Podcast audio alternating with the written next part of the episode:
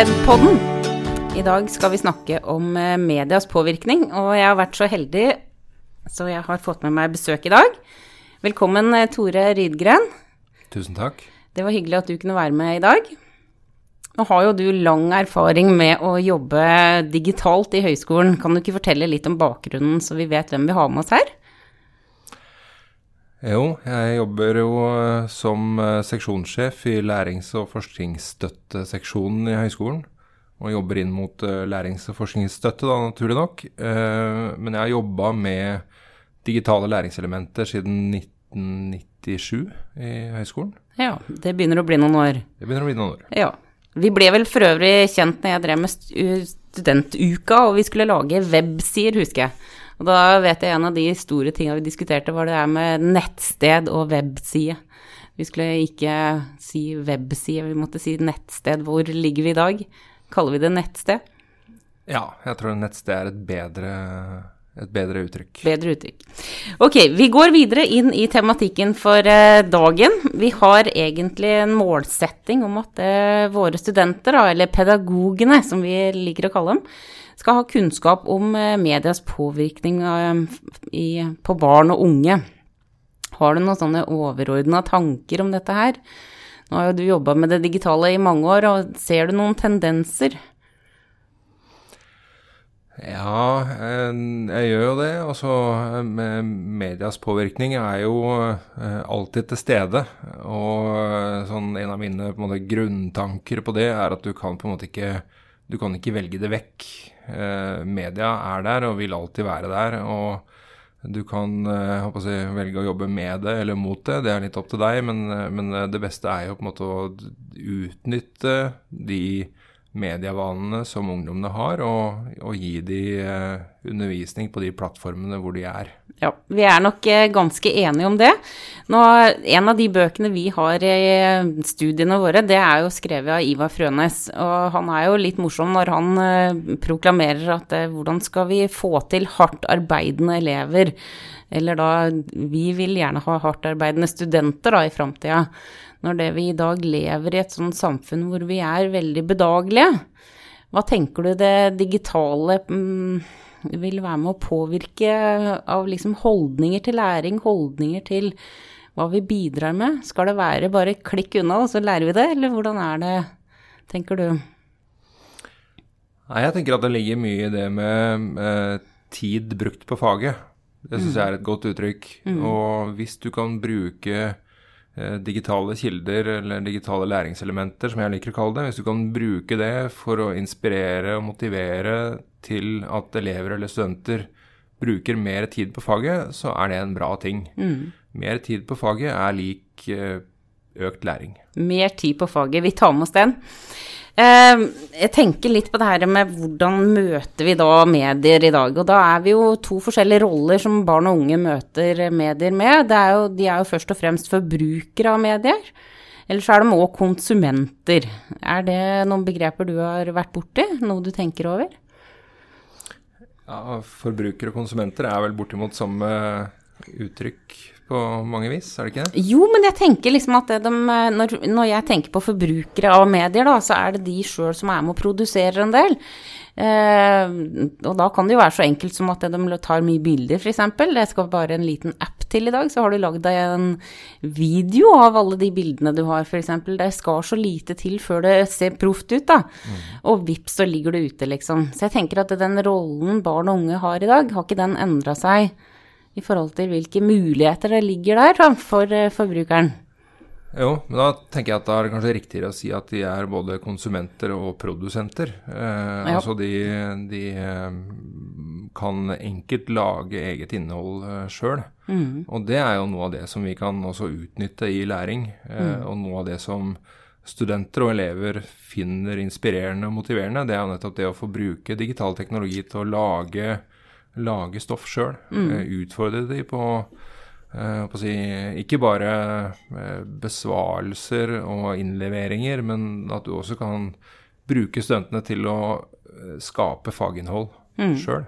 Da må jo bare dra en liten tur vestover, da. Nå er det jo blitt noe Jeg vet ikke om det er vedtatt ennå, men i hvert fall så diskuterer de i Stavanger at de har lyst til å innføre mobilforbud. Og da er det jo juseksperter ute og mener at det, det, er ulovlig i forhold til det personvernet som ligger rundt barn og unge, f.eks.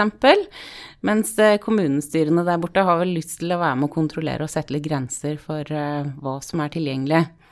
Hva tenker du? Um, mobilforbud eller ikke? Hva tenker du?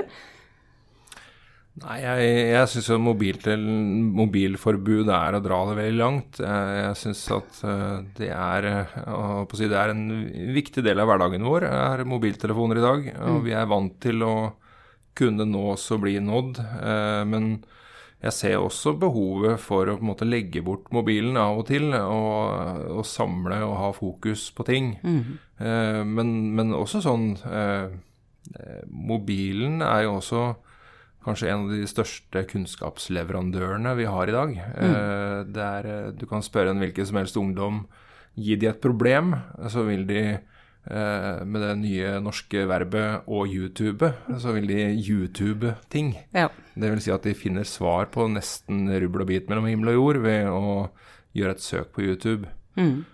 Sånn at eh, det, det er, jeg, jeg syns jo det er litt sånn bortimot bakstreversk å legge bort den teknologien som er den største kunnskapsleverandøren vi har. Jeg er nok enig med deg der. Jeg har jo vært ute og intervjua noen eh, elever om eh, digitale, digital bruk, og de sier jo noe til meg om at de opplever at på skolen så er det veldig rigid. Det er bestemte apper eller det er bestemte websider, de nettsider de skal gå til.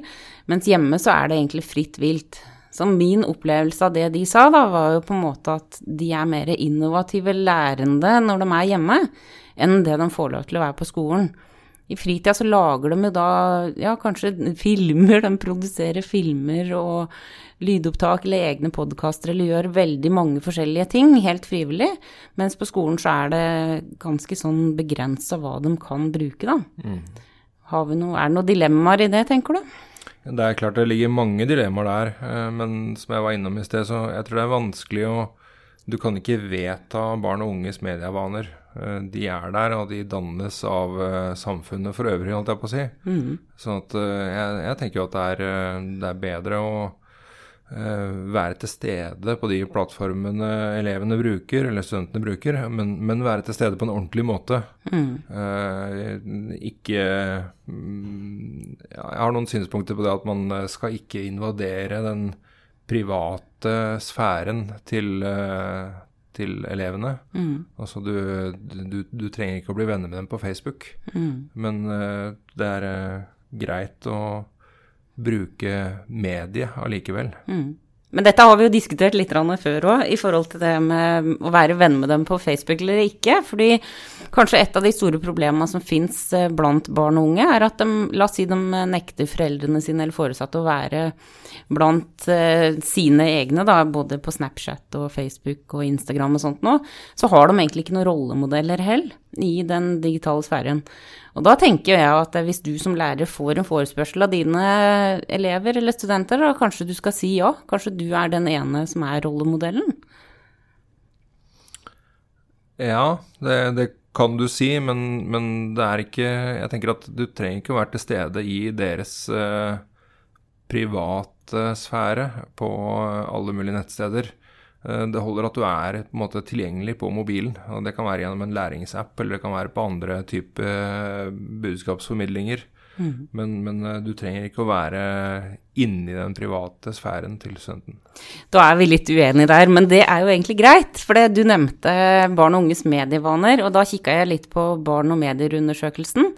Nå hadde ikke skolemonitor for 2018 kommet igjen nå, men det blir jo spennende å gå inn og se litt nærmere på den. Men i hvert fall den her medieundersøkelsen, den gjøres jo hvert år, tror jeg. Og det siste der var at 96% av guttene og 63% av jentene spiller spill veldig mye, da. Hva tenker du om det med gaming og læring? Er det, noe, er det et potensial der? Ja, en, eh, dette blir litt sånn uh, lekmannskunnskap og personlige oppfatninger, da. Men, mm. men jeg tenker jo at det med gamification har jo vært et begrep innen den digitale læringsarenaen veldig lenge. Mm. Og det er kanskje noe vi ikke har tatt inn over oss nok. Eh, det å spillbasere ting. Det, er veldig, det, det kan være veldig morsomt. Og det å å si, trigge studentene på litt sånn spillbasert tankegang med at du du, eh, du, vinner poeng, du åpner nye nivåer, eh, sånne ting. Det er også mm. ting som vi kan inkorporere i læring. Og så er det jo noe som skaper gode debatter. Jeg tenker det er vel eh, ganske mange foreldremøter rundt omkring som har Fortnite på tema, både i første, andre, og tredje og fjerde klasse. Der de da kanskje blir enige om at ja, nei, det syns vi jo jevnt over at ungene skal ikke spille det så lenge det er 13-årsgrense. Mm. Men så er det jo spørsmål om noen holder seg til det man blir enige om eller ikke, da. Har du noen anbefaling når det gjelder Fortnite? Nei, det, det, det, har jeg egentlig ikke. Det, det ligger litt utafor mitt uh, virkeområde. Men, men, jeg tenker at uh, det man Der igjen, da. Man, man trenger ikke å uh, Altså, det skal godt gjøres å få inn sk si, skolerelatert læring i Fortnite. Det får du ikke til. men men eh, det du kan få til, er jo å eh, være til stede på en spillarena. Det å uh, gi de alternativer til Fortnite. Jeg ser jo at, uh, at et, en, et, godt mattespill, det kan, være, det kan engasjere barn og unge i timevis, det også. Mm. Så det trenger ikke å være Fortnite. Nei. Eller Minecraft Education, den vet jeg flere bruker nå på sånne tekniske uker med iPad, f.eks. Mm. Og fungerer godt. Eh, for å avrunde her, da, så tenkte jeg Det har jo vært skrevet Jeg har skrevet en kronikk som går på dette her med hvordan vi i høyere utdanning bruker digitale verktøy. Nå er jo vi ansatt egentlig for å kunne videreutvikle studenter som drar herfra fra lærerutdanninger og fra høyere utdanning med en um, profesjonell digital kompetanse. De skal ikke lenger bare ha en digital kompetanse der de sjøl gjør noe, men de skal kunne ha en refleksjonsevne og bidra til at ja, elever kan jobbe godt med digitale verktøy. Men så bruker jo ikke vi høyere utdanning eh, For det første får vi jo ikke lov av eh, IT da, å bruke Mac, f.eks. Men eh, verktøy generelt, da, hvis vi ikke skal dra den Apple-diskusjonen. Hva tenker du skal til for at vi i høyere utdanning blir bedre? Uh, nei, jeg tenker jo som, som, du på en måte peker i retning av, at vi, vi, ligger nok uh, litt for mye bakpå. Og vi ligger nok uh, litt altså i forhold til utdanning av skolefolk, altså lærere, mm. så ligger vi kanskje spesielt langt bakpå, tenker jeg. Fordi mm. vi vi, eh, vi, bruker ikke disse verktøyene godt nok i våre egne fag og vår egen formidling. Mm. Så, eh, og det finnes vel, så vidt jeg husker, noen eh, ganske gode eh, god forskning på at eh, pedagoger som kommer ut i skoleverket, de har veldig lett for å gjenta eh, ikke det de har sett i bøkene eller det de har lært i timene, men de har lett for å gjenta underviserrollen til dem mm. som har undervist dem. Mm. Uh, det er så mye som 70% av pedagogikken eller sånt som bare repeterer hva de har opplevd selv som elever. Ja. Og uh, sånn sett så er jo vi Vi er ganske dårlige rollemodeller i høyere utdanning. Ja, men det prøver vi i Proffped-poden å gjøre noe med, da. Selvfølgelig. Så her er vi jo rett på banen. Uh, det siste jeg har lyst til å spørre deg, er Du vet det er jo noe som heter DQ-instituttet i Japan. Det er altså et institutt som går på digital intelligens. Så de hevder jo nå å utvikle en egen form for å ja, skal vi si, teste om eh, barn og unge har digital intelligens nok. Der de da har utvikla en sirkulær modell hvor de inkluderer ja, både personvern, kritisk tenkning, uh, digitale foot, footprints, kaller de det, det heter vel fotspor. ja, altså at de har forskjellige åtte innholdselementer da, i en sirkel som de kaller digital intelligens, og så måler de den digitale intelligensen hos barn og unge. Mm. Er, det, er vi på vei dit i Norge, tror du, eller hva tenker du? Jeg håper jo det. Eh, det høres ut som en eh, veldig, veldig god idé. Ja. Eh, for dette handler jo om digital dannelse, ja. som, som, er et begrep du er veldig glad i, vet jeg. Det er jeg veldig glad i. Og, og det her med digital dannelse, det, det, det, handler jo ikke bare om det å være i stand til å bruke digitale læringsverktøy, men det handler jo om generelt hvordan man oppfører seg på nett. Det å være kildekritisk, f.eks. Mm. det er jo kunnskap som, som en, bør være en del av dannelsesbegrepet vårt framover. Mm. Bra. For å oppsummere så vil jeg bare takke deg for at du kom. Veldig glad for det. Vi kommer ratt til å ha flere intervjuer med lignende som deg. Jeg syns det er veldig viktig å ha med de som har jobba med digitale verktøy over lang tid. Og det er jo litt som vi starta innledningsvis før vi begynte innspillinga her, at de store diskusjonene som foregår om iPad i dag, da, er hvor farlig det er for barn og unge, og hva er det som skal skje med oss når vi blir sittende med disse digitale verktøyene hele tida. Det er, ligner jo litt på de samme diskusjonene som når TV-en fikk farger. Ja, helt klart. Og vi, vi er nok ikke gode nok til å bruke disse nye digitale verktøyene på en god nok måte. Eh, en sånn sammenligning som jeg ofte bruker når jeg skal eh, eh, snakke om sånne type ting, det er jo den gangen man gikk fra radio til TV. Eh, da gjorde man bare det man kaller en remediering. At man satte bare et uh, TV-kamera inn i et radiostudio. Ja. Hvis du ser på de første, første spede fjernsynssendingene, så, så satt jo mennesker i et radiostudio med mikker som hang foran ansiktet, og det så unektelig litt pussig ut. Jeg tenker at vi er på samme stadie da, nå når det kommer til digital læringsteknologi. Ja. At vi, vi, er litt sånn lett famlende i formen ennå, men uh, vi må jobbe mer med det, bruke litt tid på det. Prøve å finne ut av hvordan kan det her passe inn i god læring og god pedagogikk. Det syns jeg var en veldig bra avslutning. Da sier eh, Proffped-podden takk for i dag, og vel møtt neste gang.